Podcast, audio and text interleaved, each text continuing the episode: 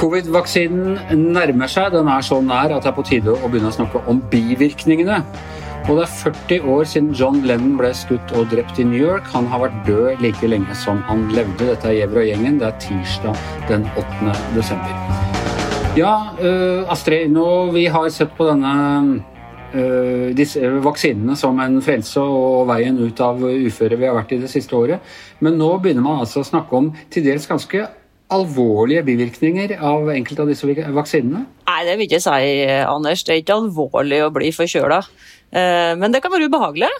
Eh, kanskje er det noen som eh, blir såpass klein at de ikke orker å gå på jobb et par dager eller en dag. Kanskje er det noen som får ja, frysninger, leddsmerter, hodepine er vanlig.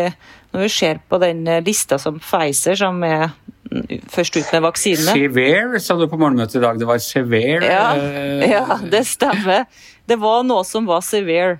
Uh, og det vet ikke hvordan skal oversettes best. Anders, det er du som er USA-eksperten her. Ja, jeg vil si at severe er alvorlig. At det var, det var den oversettelsen ja. jeg prøvde meg på. Det er ikke alvorlig i den forstand at du får en kronisk sykdom som narkolepsi, sånn som vi så med svineinfluensa, men det kan være ubehagelig. Uh, og det er en diskusjon blant uh, vaksineeksperter. og Eh, leger rundt forbi, og vi bør være litt flinkere til å opplyse folk om de vaksinene. For det er jo noen som har vært med på de her forsøkene her, som har blitt sjokkert og fått uh, opp opphovna armer som er dobbelt så store som vanlig, og som har blitt Det syns jeg er ganske alvorlig. Hvis jeg får dobbelt så store armer, så vil jeg regne det som en alvorlig bieffekt av eh, vaksinen. Ja, ja. Men det, altså, det, er jo ikke noen som vil snakke om det her, for det er jo så mye vaksineskepsis og så mye konspirasjonsteorier rundt forbi. Så nummer én er altså at de uh, bivirkningene de rammer mindretallet i de to forsøkene som er Moderna sin og Pfizer sin, som er altså de to første vaksinene som kommer. Den første er jo Pfizer som rulla ut eh, på tirsdag i Storbritannia. Um, og det er ikke slik at, uh, at varig, noen av dem har blitt varig syke, men altså det er verre bivirkninger enn ved en vanlig influensavaksine, er det en del leger som påpeker. Og det er en del som kan bli skremt av det her. Derfor er det bra å få sagt fra om det på forhånd. 60% opplever av Pfizers vaksine Eh, det som de kaller for utmattelse, det er jo ikke, eller fatigue, da. Det er jo ikke akkurat ME vi snakker om, men at de blir trøtt og sliten i et par dager. Eh, halvparten får hodepine, og så går det nedover. En tredjedel får frysninger, leddsmerter, noen får kvalme. Um, og for Moderna sin del så kan så mange som 10% anslagsvis kanskje bli såpass dårlig at de ikke orker å gå på jobb eller må legge seg i senga fordi at de får alt det her samtidig. 2% får feber mellom 39 og 40. Dette minner meg om sånne ting de sier med veldig rask stemme på slutten av sånne legemiddelreklamer på amerikansk TV. Ja. Ikke ta denne vaksinen hvis du ikke vil ha diaré, hodepine Så bare ramser de opp en, en, en ja. Men er det en, er det en uh, altså det er en utfordring dette her, fordi vi vet at det er en mye vaksinemotstand der ute, ikke minst ute der hvor Hans Petter Sjøli bor. Og uh, Eh, eh, det er også en skepsis eh, til hele hvor, hvor, farlig covid egentlig er. og Vi har sett ja, rare sånne demonstrasjoner og uh, klemmedemonstrasjoner og, rundt omkring fra forskjellige folk. Er det, hvor vanskelig er det å kunne informere om denne typen bivirkninger, og hvor mye bremsing er det på det? Opplever du at det er fra helsemyndighetenes side? Nei, jeg har ikke hørt noe særlig om det her det står sikkert i et eller annet skriv fra FHI, men jeg har ikke hørt om noen som har sagt noe om det. Jeg tror de føler at de vil bli skikkelig party poopers hvis de begynner å snakke om det. Det alle politikerne og for så vidt byråkratene vil ha ut, er jo at vi har sikret oss kjempemasse vaksiner, og vi får det rett etter jul, og det her blir kjempebra. Og det er jo kjempebra, fordi at eh, for f.eks de som ble eh, vaksinert i Storbritannia i dag, da, det er jo mange som var over 90 og 80 år, så er jo risikoen ved å få covid eller koronavirus mye mye høyere enn bivirkninger ved vaksinen, så det er jo no-brainer for dem. De bør jo selvfølgelig ta vaksinen. Kjempefarlig, stor dødelighet i, i, den gruppa der, som er så gammel.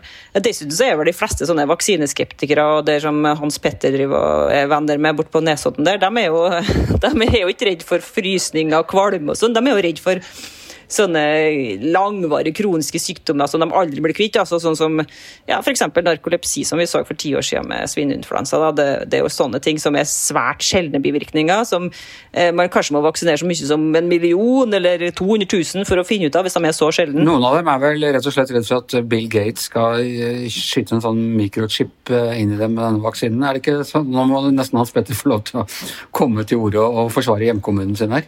Jo, det er mye sånn chemtrails, sånne ting de har blanda inn i vaksinene som gjør at du blir litt uh, manipulert av stat og, og dypstat og den slags. Men uh, bare legge til det at det der er litt seigliva myte om Nesodden og der, for de siste oversiktene viser at vi har like høy vaksinegrad her ute som i resten av landet. Ok, Så det er bare en av de mange fordommene vi inne i elitebobla i Oslo har mot distriktene? Ja, det er vel det. Det er, det, det er mye misunnelse vet du, når det kommer til Nesodden. Det er klart.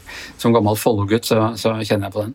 Men uh, Astrid, vil du ha noe som helst skepsis mot å ta en sånn vaksine? Nei, jeg tror jeg, hvis jeg får tilbudet, så vil jeg ta den, men det blir vel lenge til jeg får det. I Storbritannia så har vi jo prioritert eldre, som sagt, men òg helsepersonell, som er en debatt som går i Norge nå. For i Norge så har vi satt eldre først og prioriterer å kvitte oss med faren for sykdom, alvorlig sykdom og død, og altså ikke helsepersonell. Men Eh, I Norge så vil det kanskje bli til sommeren og sånn, da vanlige, friske, unge folk får sjansen. Ok, uh, ingen her, så jeg så alle de gjenlevende presidentene, bortsett fra Jimmy Carter, uh, skal, skal, ta den vaksinen i USA for å uh, ja, Og selvfølgelig ikke Trump, for han er jo, han jo flokkimmunitet fra Det hvite hus. men Eh, men, eh, men, altså Obama, Bush, eh, Biden og sånn skal ta den for å, for å, overbevise amerikanerne. Men de hadde ikke tatt med Jimmy Carter, som er 95 år eller noe sånt. Så det var jo et lite signal i seg selv, det. Dronning Elisabeth i Storbritannia skal ta den, som er 94 år. Og hennes ektemann Philip på 99, han skal også ta den. Ok, ja, Men da, da, regner vi den vaksinen eh, som safe. Det er 8. Eh, desember i dag. Eh, da ble På denne datoen ble For 40 år siden ble John Lennon skutt og drept i New York. Eh, det var blitt 9. desember her i Norge. Vi gikk ut på, på første Dagsnytt-sending klokka sju om morgenen. Og nå, Yngve Kvistad, Hans Petter Sjøli Altså, Lennon har vært død like lenge som han levde. Det er svært mange av våre lyttere, forhåpentligvis som ikke engang var født da, da Lennon uh, ble drept. Uh, er han i ferd med da bare å bli en person som Caruso eller en eh, sånn historisk entertainer tilbake i tiden som man ikke har forhold til, Yngve? Eller så har unge mennesker fortsatt et forhold til, til Beatles og John Lennon? Det er jo nettopp det. Altså, så lenge det jeg på å si, liv i Beatles sin musikk, så er det liv i, i legenden og mytologien, ikke minst, om, uh, om John Lennon. Og der er jo uh, altså, Det er skrevet mange hyllemetere med bøker, for ikke å si kilometer med bøker om akkurat det. sånn at altså, Lennon lever i form av det han har gjort. men han lever jo også eh, i stor grad pga. mytologien og pga. Eh, alt som han blir tillagt av eh, av overmenneskelighet og guddommelighet i forhold til kompaniskapet og konkurransen med McCartney f.eks., som han skrev ikke alle låtene sammen med, men en god del av låtene sammen med. Men det er kanskje ikke ungdommen som leser de kilometerrekkene med bøker. Jeg ser I min Facebook-feed så diskuterer vi dette heftig nå. og jeg er jo blant de yngste som i det hele tatt husker Beatles. Jeg var åtte-ni år gammel da, da, de ble oppløst.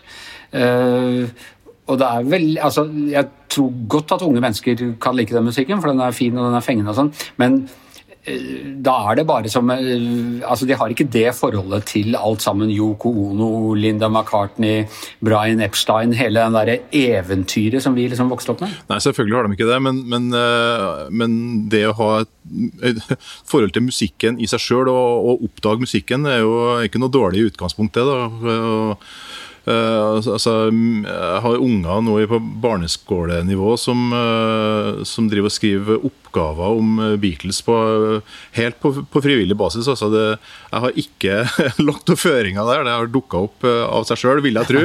Vil jeg håpe. Det kan hende at de har vært litt inne i kilometerbokhylla til far og funnet en og annen ting som man kan ha inspirert dem. Det kan jo hende, selvfølgelig. Og det hender jo at det spilles en og annen Beatles-slått her i heimen. Men uh, jeg, altså jeg har inntrykk av at det er noe med den musikken som er, overlever det meste, og den appellerer så til, til, så mange, og den appellerer fortsatt til, til generasjoner, også uh, unge generasjoner. For det er noe med det, både den umiddelbarheten og melodien i det, og lettheten uh, sånn til å begynne med. Og så etter hvert som man begynner å interessere seg for musikk, så hører man også det sofistikerte og, og, og på alle måter kompliserte med det. Da. Men jeg, tror at uh, den, den, musikken kommer til å leve i beste velgående i, ut, utover vår levetid, i hvert fall. Men det var ikke, altså Beatles var jo litt om ikke i ferd med å bli glemt, så var de i hvert fall eh, litt sånn passé en periode på 80-tallet, f.eks. Og da, da, kom jo den revivalen som kom på 90-tallet, altså med de, eh, det som senere ble kalt britpop og sånn, var jo med på å revitalisere Beatles og interesse for Beatles. Ikke bare britpop for øvrig. altså Nirvana var jo uttalte Beatles-fans. ikke sant? Det, så det var jo en ny generasjon som på en måte skapte nytt liv i det. da, ikke sant? Og eh, Jeg merker jo hjemme her, jeg, jeg, er jo litt yngre enn dere, da, at Eh, da mine, min sønn, altså en av mine sønner, han er da 16 år, og han Jeg spurte forrige dagen her Hører du på musikk, egentlig? Jeg har liksom aldri tenkt over det. Men ja, jeg har hørt på musikk. Hva hører du på? Jeg hører på Beatles. det var jo kanskje litt uh, litt reaksjonært. da, Man må jo orientere seg litt i nyere ting også. Det, litt, det blir jo litt kjedelig å bare falle tilbake på det, det som var, da. Men, uh, men, det er klart, det, det, har jo noe med at den som Yngve sier, musikken her er, er, er, det er evergreens. ikke sant? Det er, er, musikk for som vil stå seg til all tid. Og ikke bare Beatles, men også John Lennon. Ja. Solo. Og, og, så var det jo også, de skapte jo på mange måter arketypen for Eh, den, den, formen for band. Altså fire stykker. Eh, gitar, eh, bass, trommer, vokal. altså Før det så hadde du entertainere som altså Frank Sinatra og Elvis Presley og sånn, som sto og ble backa av andre musikere. Her lagde man hele den der ideen om at vi kan gå sammen i garasjen og, og starte et band som lever til våre dager. Og skrive egne låter, ikke minst. Det er jo det som var også litt nytt med det. Liksom. Og det tror også at på, på, den første gangen jeg forsøkte å få platekontrakt, så ble de jo avvist med den begrunnelse at, at vi tror at gitarband er på tur ut. Det er, det er, skrevet mange I de kilometerlange rekkene så er det mye om bøker av typen 'The Man Who Gave The Beatles Away' og alle de som så de som sa nei. Jeg må si uh, da, Den dagen John Lennon, da vi fikk beskjeden om at John Lennon var død, det var Altså desember 1980. Ronald Reagan var akkurat eh, valgt til president i USA. Eh, Sovjetunionen hadde året før eh, okkupert Afghanistan. Den kalde krigen sto på det aller kaldeste. De der vitenskapsmennene som stilte en dommedagsklokka, hadde satt den på tre minutter på tolv eller noe sånt. Jeg følte at Lennon var et eh, ondt omen, liksom. Et, eh, om at nå, nå, skal vi inn på 80-tallet, som var beskrevet av, av eh, George Orwell i sin bok 1984 om de totalitære statene og totalt undertrykkende. Alt ble jo på en måte annerledes. Eh, det ble ikke helt så eh, rosenrødt som Lennon sang om i Imagine, men, men, men det var nærmere Imagine enn en, 1984. Eh, Hva Tror du, Hans Petter, at eh, som historiker, at, eh, at Beatles betydde for uh, den kulturelle forståelsen blant unge mennesker i, i ja, både Vest- og Øst-Europa? Jeg, jeg, tror ofte at kulturhistorie er litt undervurdert, sånn, hvis vi skal diskutere hva som har Eh, vært viktigst i form, formasjonen av, av, samfunnene vi har. Nei, altså det som skjedde på 60-tallet, som jeg har eh, også skrevet litt om sjøl som, som uh, akademiker da, altså 60-tallet var en brytningstid som nesten ikke kan overvurderes. Det var da det var, det var en kulturrevolusjon, en revolution in the head, som det ble kalt. Sant? Og, det, det, det, og, og, Number nine. Ja, og, og, Beatles var jo virkelig pionerer i det. altså eh, kanskje, kanskje, ikke rent politisk, men også litt politisk, da, selv om Beatles var selv om John Lennon da, var veldig sånn vaklevoren politisk, var vanskelig å plassere, egentlig. Eh, anarkist at heart, vil jeg, vil jeg, kanskje mest tro at han var. Men, men det det, det, bidro til at det hele liksom, Du fikk den, den revolusjon, seksuelle revolusjonen. Du fikk den revolusjonen uh, med at uh, familier ikke lenger var Ja, du fikk nye familiekonstellasjoner. Det, det, var på en måte en helt, det transformerte samfunnet, og der var den frihetsrevolusjonen fra, fra de bandene og fra filmene og moten og alt mulig som kom på 60-tallet, utrolig ja. viktig. Sånn at, sånn at de, de, liksom, de, Beatles var med og uttrykte den der overgangen fra den 50-tallets uh, uskyld til til mer de, desillusjonerte 70-talls. ikke sant? Psykadelia, dop, alt det greiene der. Men samtidig så er jo Beatles også uttrykket for da, altså, de der kumklipte ungdommene fra Liverpool som uh, sang om love og yeah, yeah. ikke sant? De klarte det sjøl å ikke holde ut med hverandre. ikke sant? Det ble jo, ble også et uttrykk for dere langåra forpinte sjelene som ikke klarte å holde fred med, med hverandre. Og det, det, var jo, Jeg husker ikke om det var i det eh, BBC-intervjuet med Andy Peebles eller om det var i Rolling Stones-intervjuet. Uh, at uh, John Lennon er jo også den første som tar et oppgjør med det der. Han sier jo det at at uh, 60-tallet var jo ikke noe annet enn et, enn et uh, forbanna klesshow. Altså, alle kledde seg ut, men det skjedde jo ingenting. Han, men han følte vel, opplevde vel også at 70-tallet tror jeg var ille. Tror han sa det også i et av disse siste intervjuene. Og, og, det var jo også noe litt sårt med han hadde hatt han hadde hatt da den der, det de kalte det Lost Weekend, som var en lang periode hvor han bare var på fylla. Hadde forlatt Yoko og i det hele tatt. Så var det kommet tilbake, så hadde han vært um, hjemmeværende pappa. Dette er litt glansbildeversjonen, for jeg tror ikke det bare var gøy inne i Dakota-bygningen der. Men han har vært hjemme i flere, ikke gitt ut plate på flere år. Så kom han med en Double Fantasy høsten 1980. Uh, eh, som liksom var en comeback-LP, rett og slett. Og så ble han altså skutt. Det var virkelig den derre Det er første gang jeg følte at 40 år var lite, tror jeg. At han ble revet vekk når han var 40 år. At, at, at det gjensto så mye. Og Det har vært så spennende å se tenker jeg, hvordan John Lennon hadde utvikla seg som uh, artist også. Var liksom sånn, var, det var jo et comeback med Double Fantasy, og den, den plata er jo også veldig fin. Altså, det, han hadde så mye å by på, tror jeg. Som, uh, han kom, liksom, kom, seg litt over det der kampen mot sine indre demoner og var i ferd med å liksom, springe ut på nytt da, som artist. Så jeg, det, er så utrolig tragisk å tenke på at, at han ble revet bort så, såpass ung. da. Han er jo mye yngre enn det er nå, ikke sant? så det er jo ganske bisarr å tenke på. Kan jeg bare få bare si det at at eh, det er litt, Når vi snakker om Lennon, så snakker vi om Beatles, da, men jeg mener at den der solokatalogen hans er bare helt strålende. Ja, jeg er helt enig. Altså. Og, og, bli, og, blir ofte liksom oversett da når vi snakker om John Lennon. Og jeg tenker på Plastic Ono Band, altså den første ordentlige sånn, soloplata, var, var jo altså, Det er bare en av verdens beste LP-er. Altså, det, det, det, det, noe av det mest nakne uttrykket en, rocke, en rockesanger noensinne har, har bytt på på plate. Altså, og, og tenk på, på refrenget på, på, Mind Games. Ja, jeg skrev en vakrere melodi noensinne, tenker jeg. Altså, han var et musikalsk geni, og det var han gjennom 70-tallet også, så vi må ikke bare sette strek ved, ved liksom, eh, Let it be, og så er det ferdig der. Jeg tenkte vi kunne avslutte med, med det. At vi trekker fram hver vår favoritt Lennon-låt eh, etter Beatles?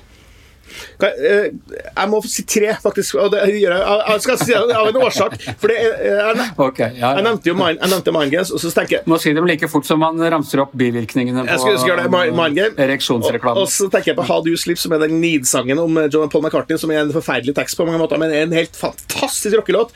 Og, eh, så tenker jeg på Jealous Guys, som jo er noe av det vak, altså noe av det liksom sånn såreste og nydeligste som er skrevet i gang. Fantastisk versjon av Brian Ferry også. Men den sangen som kanskje har betydd mest for meg sjøl, er Du skulle si tre, nå er du i gang med den fjerde. Nummer tre det er Love fra Plastic Ono Band. Og det er rett og slett fordi at jeg har sitert fra den i ganske mange kjærlighetsbrev opp gjennom tida. Den gangen vi drev på med det. Ok, Klarer du å si bare én, Yngve, eller må du si fire, du òg? Nei, jeg skal bare si bare én, men jeg har lyst til å si noe der med apropos kjærlighetsbrev. for at, at John Lennon var jo en veldig, en veldig skrivende kar. Og det sies jo at, at, eh, at eh, altså Han driver og sendte postkort. ikke sant? Han, sendte, han fyra postkort når han, uansett hvor han var, så sendte han postkort. Eh, så det, det, er jo mange som har tenkt at de, hvis han hadde opplevd Twitter, så ville han gått Donald Trump en høy gang som Twitter-konge. Fordi at Var det noen ting han eh, elska, så var det å, å, sende sånne usensurerte, gjerne litt sånn syrlige meldinger i, eh, i øyeblikket. Og eh, de, som, de, som, redigerte Melody Maker på, på 70-tallet, de opplevde jo å få brev fra John Lennon omtrent hver eneste dag fordi annet han hadde lært seg å skrive på skrivemaskin. Han hadde kjøpt seg en skrivemaskin. så Han satt da og, og fyrte av uh, brev til Melody Maker. Og storparten handla om korreksjoner på intervju som Paul McCartney hadde gitt, eller, uh, eller George Martin hadde gitt. Så han var, uh, Kverulantgenet kom jo også veldig til uttrykk der. Men svaret på spørsmålet Jealous Guy. Da tar jeg uh, Instant Karma, som jeg syns bare er en av de uh, aller kuleste rockelåtene som er laga noensinne, og et av de kuleste budskapene. Astrid, har du noen favoritt-Lenn-låt, eller? Jeg har den kjente Beatles-Lenn-låta My Corona. Ikke henne? ja, forut for sin tid, i hvert fall. Ja, den var kjempefin. Den, den likte jeg. Ok, med det så er Giæver um, og gjengen uh, over for denne gang. I, i hvert sitt hjemmestudio. Ingrid Knistad, Astrid Mæland, Hans Petter Sjøli, Anders Giæver og vår Brian Epstein, mannen som sørger for at, um, at vi ikke bare er fire soloartister, men et uh, fullkomment podkast, heter Magne Antonsen.